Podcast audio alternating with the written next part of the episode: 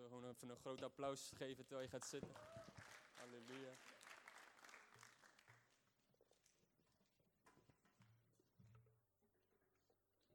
Ik zal mijn spullen even pakken, dan mogen jullie ook je Bijbel pakken.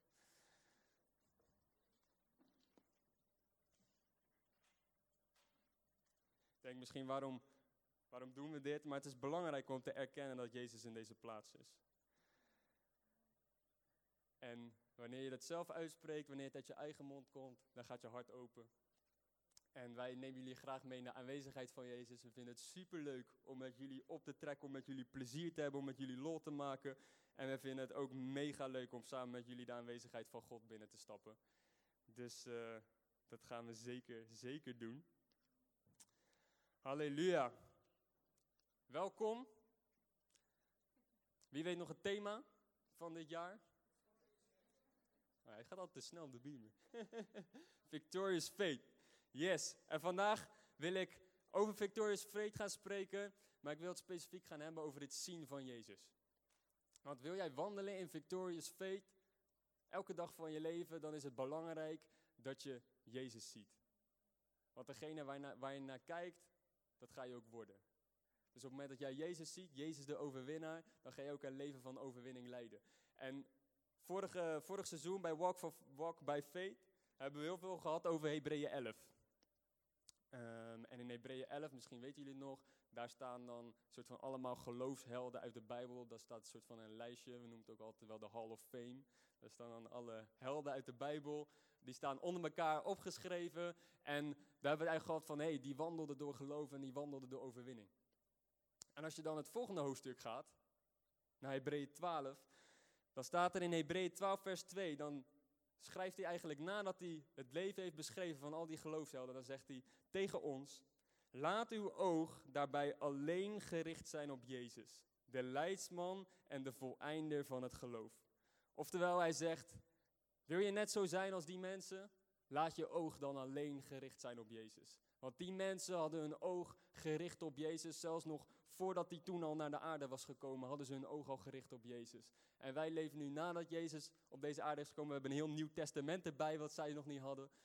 En de Bijbel zegt eigenlijk tegen ons, laat jouw oog alleen gericht zijn op Jezus.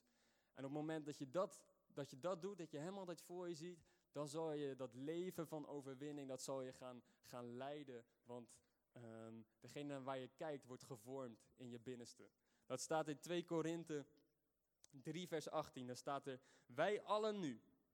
Dus er staat allemaal. Hè? Dat is alvast altijd heel fijn dat de Bijbel zegt wij allen, want dat betekent dat jullie er allemaal bij horen.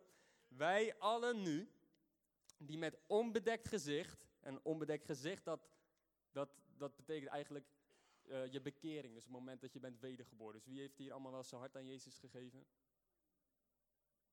Kijk, heel goed, ik zie een heleboel handen. Allemaal even applausje. Dat is namelijk uh, iets op te vieren, jongens.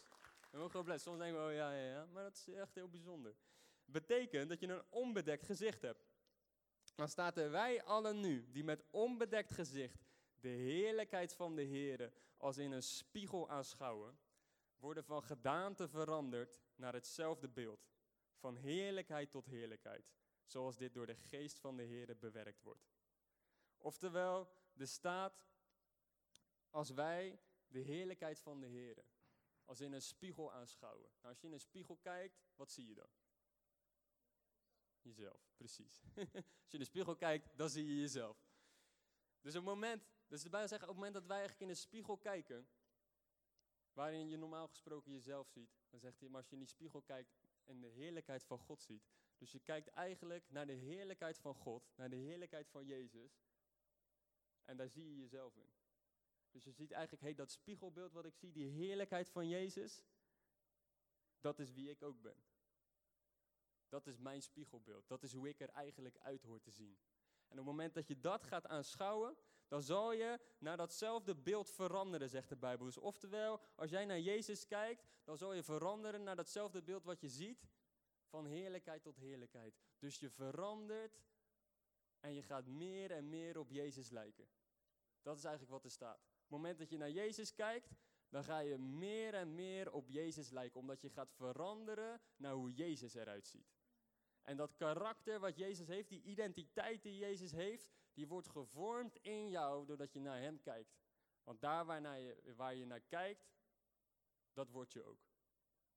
Dus als je kijkt naar Jezus, wordt zijn karakter, zijn identiteit, wordt in jou gevormd. De heerlijkheid van de Heer.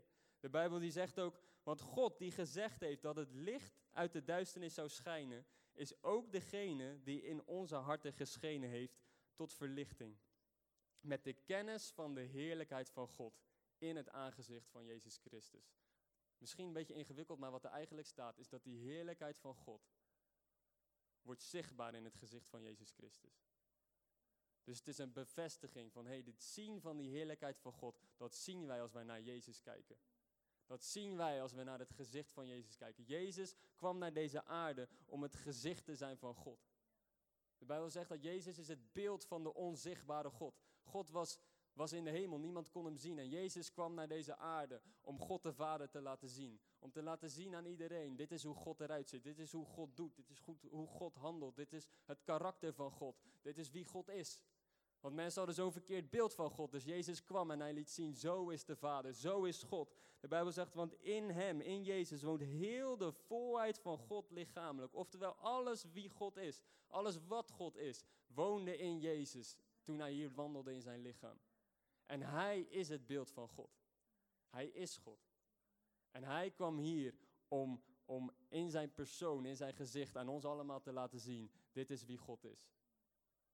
En op het moment dat wij opnieuw geboren zijn, de tekst moeten jullie ondertussen wel kennen, alle wie uit God geboren zijn, betekent dat we uit God geboren zijn. Er is al over gepreekt, als je uit, uit iets geboren bent, dan krijg je diezelfde identiteit. Dus oftewel, wij krijgen diezelfde identiteit uit God, wanneer wij opnieuw geboren worden.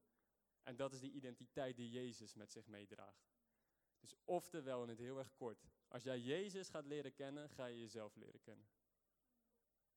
Als je Jezus beter gaat leren kennen, ga je jezelf beter leren kennen. Want wie Jezus is, ben jij. De Bijbel zegt, zoals Jezus was, zo zal jij zijn in deze wereld. Wie Jezus is, dat ben jij ook. Is Jezus geliefd? Zeker weten. Is Jezus mooi? Zeker weten. is Jezus uh, grappig? Ik vind van wel. is Jezus betrouwbaar? Is Jezus genadig? Is Jezus een overwinnaar? Is Jezus krachtig. Dus dat ben jij ook. Want jij bent in Jezus. Amen? I'm happy. I preach myself happy right now. Ik ben blij. Jongens, mijn missie is vandaag is om, om dat verlangen in jullie hart te prediken, dat jullie Jezus beter gaan leren kennen. Dat jullie een diep verlangen in je hart krijgen om Jezus te gaan zien. Want ik weet honderdduizend procent zeker, op het moment dat jullie Jezus beter gaan leren kennen, dan gaat die identiteit van Hem ook in jullie gevormd worden. En dan gaan jullie door dit leven als overwinnaars. Amen. Wat daar natuurlijk heel erg belangrijk bij is, bij het zien van Jezus, is dat je weet dat Jezus wil dat jij Hem ziet. Wie weet er dat Jezus zichzelf wil laten zien aan jou? Oké, ik zie heel veel handen. En wie gelooft dat ook echt? Kijk, ik zie nog steeds dezelfde handen. Heel goed, heel goed. Jezus wil zichzelf laten zien aan jullie. Jezus wil zijn gezicht aan jullie laten zien. Jezus wil laten zien aan jullie wie hij is. Dat deed hij in eerste instantie toen hij natuurlijk uit de hemel naar deze aarde kwam. Ik bedoel, een soort van grote bewijs kan je niet hebben. Hij had in de hemel alles wat hij wilde. Ik bedoel, ik denk, wij denken wel eens over de hemel en denken, man, het is daar echt heel goed. Je kan je niet voorstellen als je daar eenmaal bent dat je weg zou willen. Maar Jezus, die liet dat allemaal achter zich om als een baby geboren te worden in een stinkstal met vieze koeien. Dat is kerst, kerstverhaal. In het, uh, minder, uh, met minder lichtjes en bomen en uh, liedjes. Is het in basic het kerstverhaal. Het was niet een hele mooie stal. Hij liet alles achter zich om tot het laagste van deze aarde te gaan, om, om bij ons te zijn. Toen hij geboren werd, zei ze, je moet hem Emmanuel noemen, God met ons. Dus alleen daarin liet Jezus al zien, hé, hey, ik wil bij jullie zijn. Ik wil dat jullie mij zien. Ik wil mezelf aan jullie laten zien. Maar later, als hij op deze aarde is, dan zegt hij dat ook zo mooi. En ik vind het zo'n ja, zo'n krachtige tekst voor ons ook samen. Dus je mag hem opzoeken. Marcus 3, vers 13.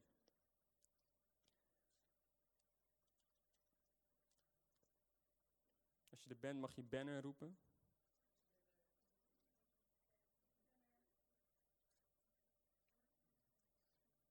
Marcus 3, vers 13.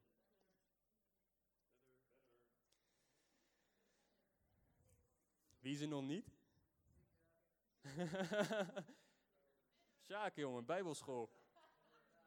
Jan, wie, wie moest net de bijbelboeken van, eh, in, volgorde opnoemen van het Nieuwe Testament, de eerste vijf? Ja, oh ja, Sjaak ook, ja. We zien waar het misgaat. Oké, heel goed, heel goed. Oké, vanaf vers 13. Dit gaat over Jezus die zijn discipelen roept. Dan staat er, en hij klom de berg op en riep bij zich wie hij wilde. En zij kwamen naar hem toe. En hij stelde er twaalf aan om bij hem te zijn en om hem uit te zenden om te prediken. Daar wil ik eigenlijk stoppen. Jezus, die klom de berg op.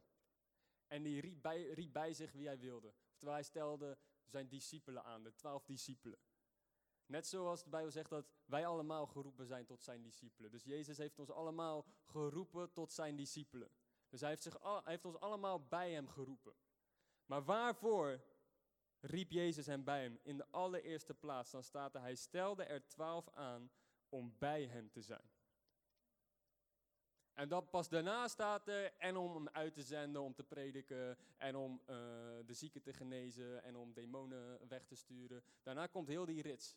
Maar in eerste plaats zegt Jezus tegen de discipelen, ik stel jullie aan, ik roep jullie bij me om bij mij te zijn. Om bij hem te zijn. En dat is niet een bij hem zijn zoals wij dat nu kennen in onze generatie, dat Jezus dan zei van, ja, dus dat betekent dat we één keer in de week via Zoom uh, gaan uh, meeten, een uurtje. En um, ja, dat, jullie, ja, dat we dan over vijf weken misschien een keertje live afspreken. En uh, nou, verder zoeken jullie het maar uit. Dat is niet het bij hem zijn waar Jezus het over heeft. Jezus roept ze om bij hem te zijn. Dat betekende dat ze eigenlijk alles achterlieten omdat ze 24-7 bij Jezus waren. Ze sliepen bij, met Jezus, ze, ze, ze ontbeten, met Jezus, ze waren heel de dag met Jezus. Overal waar hij ging, gingen zij met hem mee. Ze waren echt bij hem. Ik denk hier op deze aarde, ik kan het me het meest vergelijken met, uh, met ons huwelijk. Wij zijn bijna altijd bij elkaar. Zij, Annelien is degene met wie ik het meeste tijd doorbreng. We zien elkaar elke dag, maar zelfs daar ben ik overdag naar mijn werk, is zij overdag naar haar werk, dus zien we elkaar acht uur per dag sowieso niet. Maar Jezus riep zijn discipelen om echt 24-7 bij hem te zijn. Dus heel de dag. En dat is wat hij ook doet bij ons. Hij spreekt hier een verlangen uit om bij hem te zijn. Waarom? Waarom wil Jezus dat we zo intiem bij hem waren? Hij wilde zijn discipelen laten zien wie hij was. Hij wilde dat zijn discipelen heel de dag naar hem konden kijken. Dat zijn discipelen heel de dag um, hem konden aanschouwen, van zijn woorden konden horen. Dat ze heel de dag naar Jezus konden kijken, zodat uiteindelijk toen Jezus naar de hemel ging, dat ze wisten wie hij was. Dat dat karakter van Jezus in hen was gevormd. Dat die identiteit van Jezus ook in hen was gevormd. Uiteindelijk, als je leest in handelingen, nadat ze de Heilige Geest hebben ontvangen, waarin Jezus dus echt in hen is, en niet alleen maar om hem heen, maar in hen is, dan staat er op een gegeven moment dat de mensen van het volk, die zagen die discipelen en die zeiden, hey, dat zijn mensen die bij Jezus zijn geweest. Oftewel, ze herkenden ze dat ze bij Jezus waren geweest. Waarom? Ze waren constant bij hem. Dus alles wat Jezus was, dat was in hun gekomen. Dat was, was, was in hun gevormd. En dat is wat Jezus ook bij jullie wil. Weet je, het is niet een, het leven van overwinning leiden, het leven van victorious faith, dat is niet soort van dat je hier dan op zondag op de New Gen één keer in de drie weken komt en dat je het dan op een gegeven moment vanzelf een keer ontvangt. Jezus riep zijn discipelen niet om één keer in de drie weken met hem in de synagoge te chillen en met ballonnen tussenin zo'n parcours te lopen. ik denk dat Peter heel snel heel boos werd als hij dat moest doen. Die was zo iemand die ook ging roepen van, vals speler, vals speler.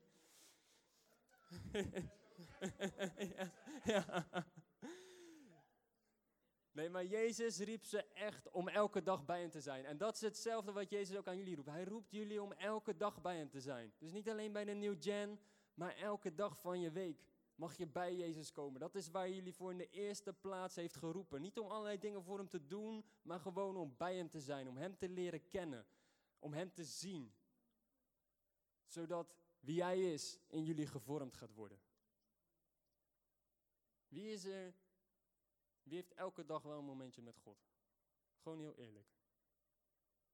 Kijk, dat zijn een heleboel handen. En merken jullie niet, hebben jullie dat altijd gedaan? Of is dat iets wat jullie nu sinds een paar maanden of... Uh, je mag praten. Allang. Altijd. Merk je dat dat iets met je doet? Merk je dat je Jezus beter gaat leren kennen? Merk je hoe heerlijk het is als je hem uh, zelf leert kennen, zonder dat Hè, het is ook goed dat mensen preken, maar dat je zelf hem leest in de Bijbel en zelf dingen ontdekt. Merk je hoe fijn dat is? Dat is wat Jezus wil. Dat je elke dag bij hem bent. Amen?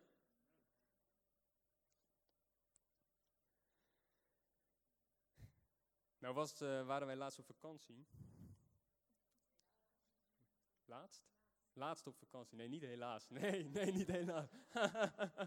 nee, we waren laatst op vakantie. Een paar weken terug. Er mag even een foto op de beamer komen. Kijk eens, jongens. Mooi, hè? Van de Valk, ja. Van de Valk komt daar vandaan. nee, hij is mooi, hè? Sommige mensen geloven dat dit duizend jaar geleden een kwal was. En dat hij toen zo is gevormd tot een toekan. Nou jongens, als je daar bent, dan denk je echt, wat een wappies. Maar dit is een toekan. Ik weet niet meer, weet jij nog hoe die heet? Nee. Ik weet ook niet hoe die heet. Laten we hem Tico noemen. Tico de toekan. Wie vindt hem mooi? Ja, hij is mooi hè. Ja. Ik dacht eerst echt serieus dat het gewoon gesminkt was. Maar het ziet er zo... Het is zo bizar hoe dat op die bek zit. Maar goed, dit is Tico. Ik heb hier een bedoeling mee, jongens. Ik ga ergens naartoe. Ik ga ergens naartoe. Ik ga je niet een presentatie geven over mijn vakantie.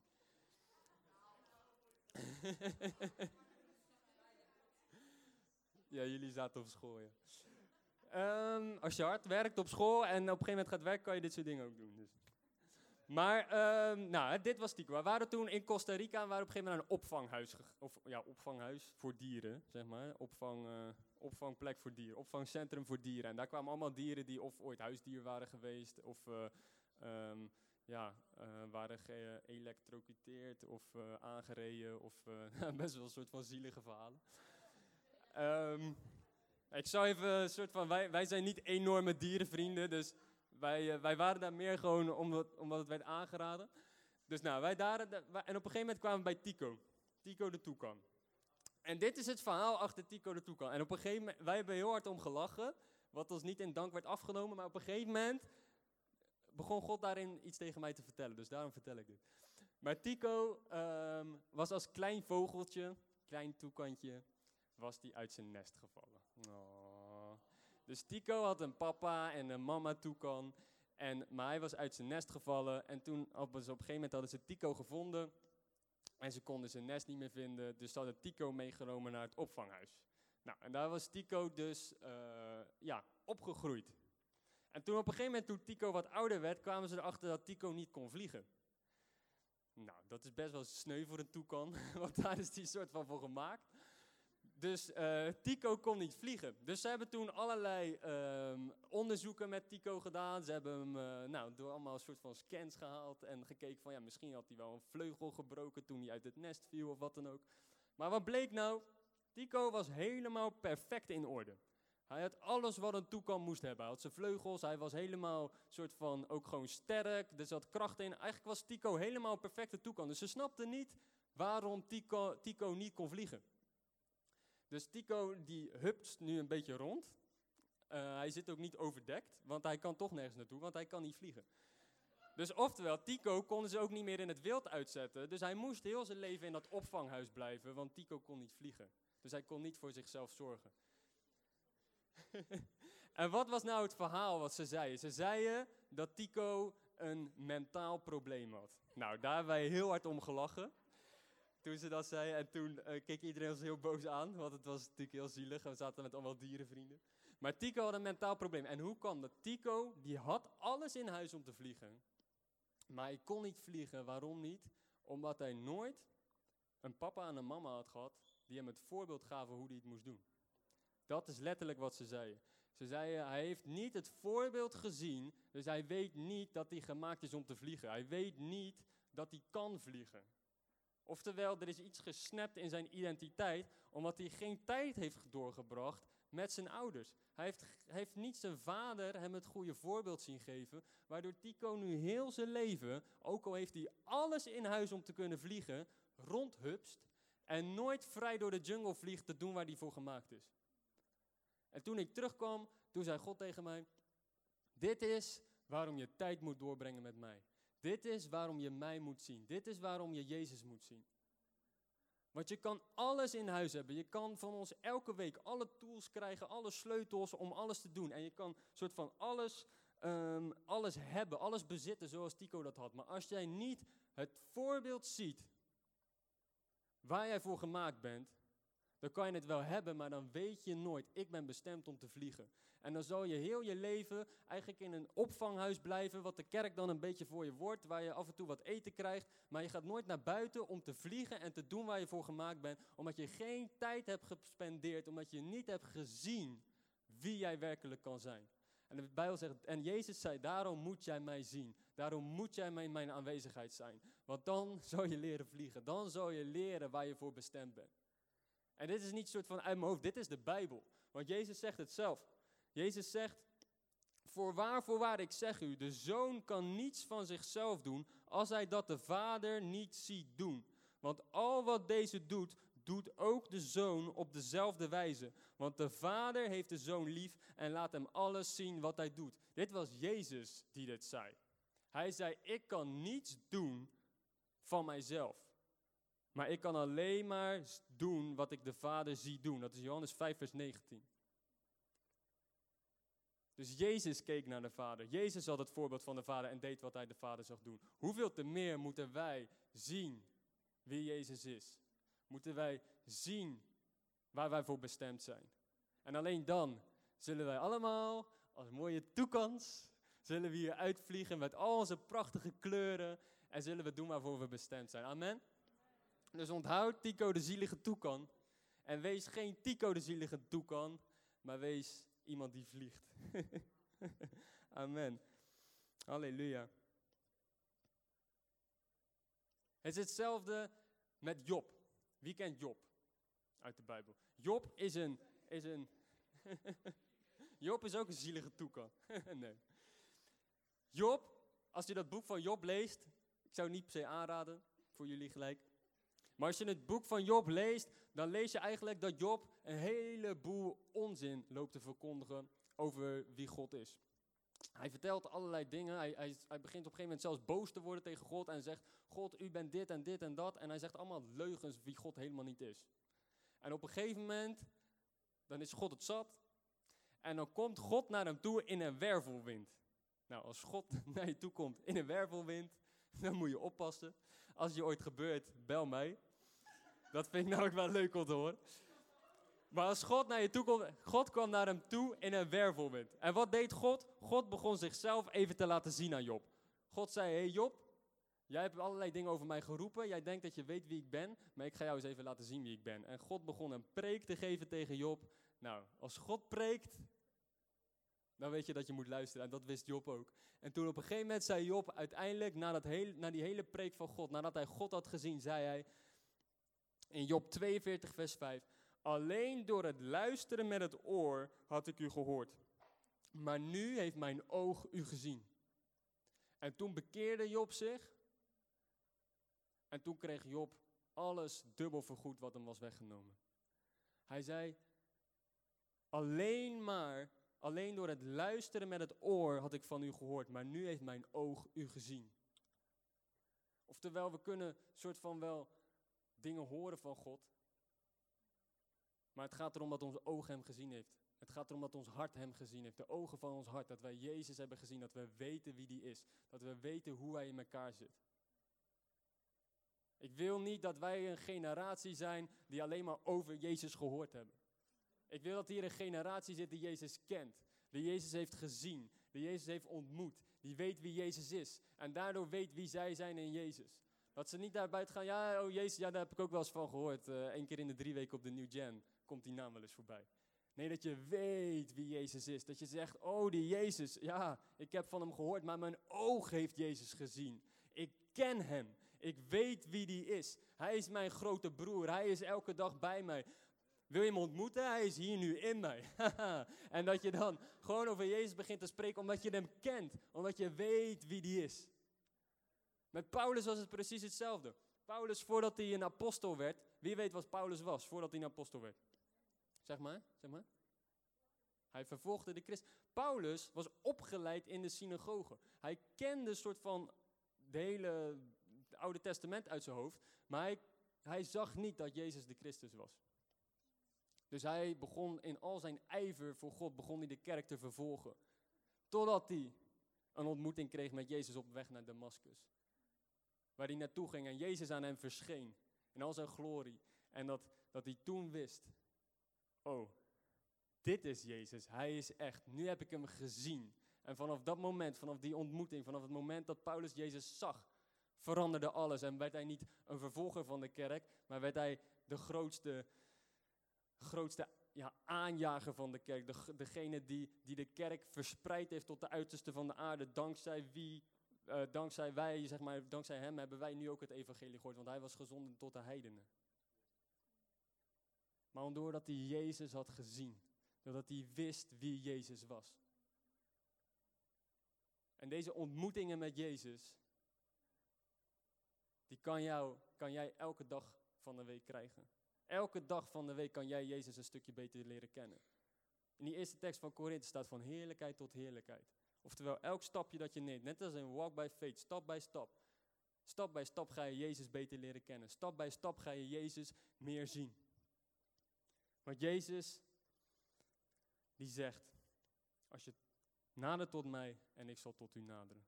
Oftewel, als wij een stap naar hem toe doen, op onze maandag, op onze dinsdag, op onze woensdag, dan zal hij een stap naar ons te doen. En dan zullen we hem zien. En dan zullen we veranderen van binnenuit. Amen. Dus wie zegt, ik ga elke dag van de week Jezus, zien. Kijk, ik zie heel veel handen enthousiast de lucht in gaan. Goed zo. Maar hoe doe je dat dan? dat is nog wel een goede vraag, hè? Dus ik wil jullie nog drie hele praktische sleutels geven over hoe jij Jezus nou kan ontmoeten in je dagelijkse leven. De allereerste sleutel die ik je wil geven, als je aantekeningen maakt, schrijf dit op. Om Jezus te zien, is heel simpel, tijd nemen. Neem de tijd. Je gaat Jezus niet zien in de 10 seconden bidden voor je eten. Heer, zegen deze spijzen, amen. Ga je Jezus niet leren kennen. Je moet tijd nemen. Tijd nemen met Jezus. Toen ik Annelien wilde leren kennen, toen ging ik ook niet soort van één minuut met Annelien even praten en dan was ik weer weg. Weet je wat? Tot wij zaten hier tot zes uur s'nachts. Je spendeert tijd met elkaar. En nog steeds spendeer je tijd met elkaar. En hoe meer tijd je met elkaar spendeert, hoe beter je elkaar gaat leren kennen. Dat is hetzelfde met Jezus. Je moet tijd nemen voor Hem. Als je geen tijd voor Hem neemt, te druk bent voor Jezus, dan wil Hij wel, maar dan sta jij het Hem niet toe. Jezus zal zichzelf nooit opdringen, maar als je Hem uitnodigt en tijd met Hem spendeert, dan zal Hij zichzelf aan jou laten zien. Dus het allereerste, neem de tijd. En dat kan er niet zijn voor iedereen verschillend uitzien. En sommigen vinden het fijn om s ochtends te doen. Ik niet, want ik kan echt niet uit mijn bed komen. Dus ik vind het fijn om het s'avonds te doen. Ik probeer het wel af en toe s ochtends te doen, want ik weet dat het goed is om je dag ook met God te beginnen. Dus uh, ik doe mijn best. Maar ik heb het meeste dat ik echt de tijd met hem kan nemen s'avonds. Want dan, ja, dan heb ik de tijd. En soms is het een half uur. Soms zit ik uren achter elkaar ben ik met Jezus. En ik merk hoe vaker je in zijn aanwezigheid komt, hoe sneller je hem ook gaat ontmoeten. Aan het begin zat ik soms een uur lang soort van worship muziek te luisteren voordat ik eindelijk soort van had, ah, ik, ik heb hem echt ontmoet. en nu heb ik het soms na een minuut al, weet je wel, dat ik gewoon het nummer aandoe en ik denk, oh, ik ontmoet Jezus. Dus gun jezelf tijd, neem tijd. Weet je wel, denk niet dat het in vijf minuten soort van allemaal in één keer gebeurt. Neem gewoon de tijd. Ga lekker relaxen met Jezus. Doe het op jouw manier dat jou, jij het prettig vindt. Amen? Neem lekker je tijd. Wie vindt het fijn om het ochtends te doen? Een paar handen. Kijk, heel goed. Wie vindt het fijn om het s'avonds te doen? Kijk, ook heel goed. Weet je, er zit geen formule op. Dus begin gewoon met wat voor jou prettig voelt. Tijd nemen. Sleutel 2. Worship en gebed. De Bijbel zegt dat we door zijn binnen gaan met lofprijs en aanbidding. Oftewel, als je gaat worshipen en gebed. Worship is eigenlijk de hoogste vorm van gebed. Als je gaat worshipen, dan zet je je hart open om God te ontmoeten. Dan valt even alles soort van het natuurlijke van deze week en al je stress van je werk of van je school kan je even van je af laten glijden. En dan kan je gewoon in aanbidding komen en dan, dan, dan merk je dat je hart open gaat en dat je Jezus zal ontmoeten. Want God is geest en je zal hem ontmoeten alleen met je geest. En de Bijbel zegt van, hé, hey, God zoekt aanbidders die hem aanbidden in geest en in waarheid. Oftewel, neem de tijd om God te aanbidden. Doe worship, zoek worship muziek op die jij fijn vindt. Weet je wel? En, en, en, en ja, zet dat op, zet het op op je oortjes en ga er gewoon Neem die tijd gewoon om God te aan aanbidden. En je zal merken van, hé, hey, als je zijn goedheid begint te bezingen, als je hem gaat eren, als je hem gaat prijzen, als je hem hulde gaat geven. Daarom begonnen we de dienst ook zo. Als je, als je God gaat eren, dat zijn aanwezigheid er is, en God gaat erkennen wie hij is, dan merk je van, hé, hey, dan komt hij opdagen, want hij wordt geëerd. En dan merk je dat, dat, dat, dat alles begint te stromen vanuit jou, omdat je God de ruimte begint te geven. Dus worship en gebed. Amen. De Bijbel zegt in Jacobus 5 vers 13, zegt hij, is iemand onder u in lijden, laat hij bidden. Heeft iemand goede moed, laat hij lof zingen. Oftewel, wat er ook met je aan de hand is, worship en gebed. Korte versie. Altijd bidden, altijd worshipen. Amen? Wie houdt er van worshipen? Kijk, goed zo. Goed zo. Wie houdt er van bidden? Ja, heel goed, heel goed, heel goed. nee, dat is heel goed. Nee, maar het is echt, ik heb echt moeten leren bidden. Dat meen ik echt. Ik heb echt moeten leren bidden. Het was altijd een soort van, ik was snel afgeleid als ik ging bidden. Maar ik heb moeten gewoon leren bidden door het gewoon te doen, hardop te doen. Ik deed het eerst vaak in mijn hoofd, maar dan ging mijn gedachten alle kanten op. En als ik het uitspreek, als ik het hardop doe, dan, dan ben je erbij en dan hebben je woorden hebben leven. We hebben het allemaal vorig seizoen gehoord. De tong heeft de kracht van leven en van dood. Ik heb zo, zoveel te vertellen. Dus bidden. Bidden en worship. En tenslotte de laatste sleutel om Jezus te zien, de allerbelangrijkste, het woord. Amen. Jezus is het levende woord. Je gaat Jezus zien in het woord. Jezus heeft zichzelf geopenbaard aan ons. En wij hebben het woord. Jezus het levende woord. En wanneer we dat woord gaan lezen, dan zal Jezus zich openbaren. Weet je, er zit een verschil in tussen of je de Bijbel behandelt als een boek of als je de Bijbel behandelt als een persoon. Want Jezus is het levende woord. Als jij de Bijbel gaat lezen als een boek met verhalen, ga je Jezus in die zin niet echt leren kennen. Maar als jij de Bijbel gaat lezen als, hey, dit is het levende woord. Jezus, u bent het levende woord. En dit woord is krachtig. Dit woord is scherper dan een tweesnijdend zwaard. Dit woord is levend. En wanneer ik dit lees, Heer, dan dank ik u dat ik u ga zien, dat ik u ga ontmoeten. En dat je dit woord, dit woord daarmee eert. En dat je zegt, hey, Jezus, ik ga u zien in dit woord. Als je met zo'n houding de Bijbel op gaat pakken, dan zal je merken dat wanneer je dit leest, je het op een andere manier zal lezen. Andere dingen eruit zullen springen. En dat je werkelijk Jezus gaat zien op de bladzijde van dit woord. Want het hele boek gaat over Jezus. En wanneer je het op zo'n manier gaat behandelen, dan zal je Jezus zien. Want die tekst uit Korinthe, die met, wij allen die met onbedekt gezicht de heerlijkheid van de Heer als in een spiegel aanschouwen, worden van gedaante veranderd naar hetzelfde beeld. Wat is die spiegel? Die spiegel is het woord. Het woord is de spiegel. Dit woord gebruik je als een spiegel. Je houdt het voor je en dan, dan lees je en dan, dan lees je wat je leest en dan, dan zeg je, hey, dat ben ik. Ik zie mijzelf in dat woord. Ook al zie ik het misschien nog niet in het natuurlijke, dat wat daar staat, dat is mijn spiegel. Dat is mijn spiegelbeeld. Dat is wie ik ben. Het woord is jouw spiegel. En Jezus is het levende woord. Dus wil jij het gezicht van Jezus zien? Wil jij Jezus geopenbaard zien als de persoon? Dan moet je dit woord lezen. Hij is het woord.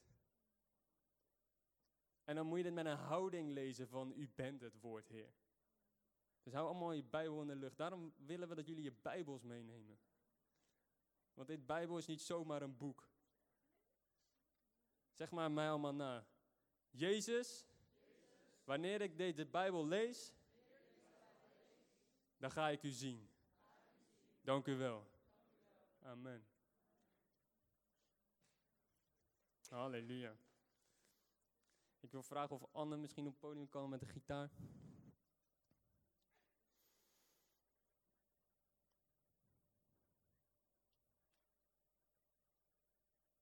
Want weet je, dat is waarmee ik wil afsluiten.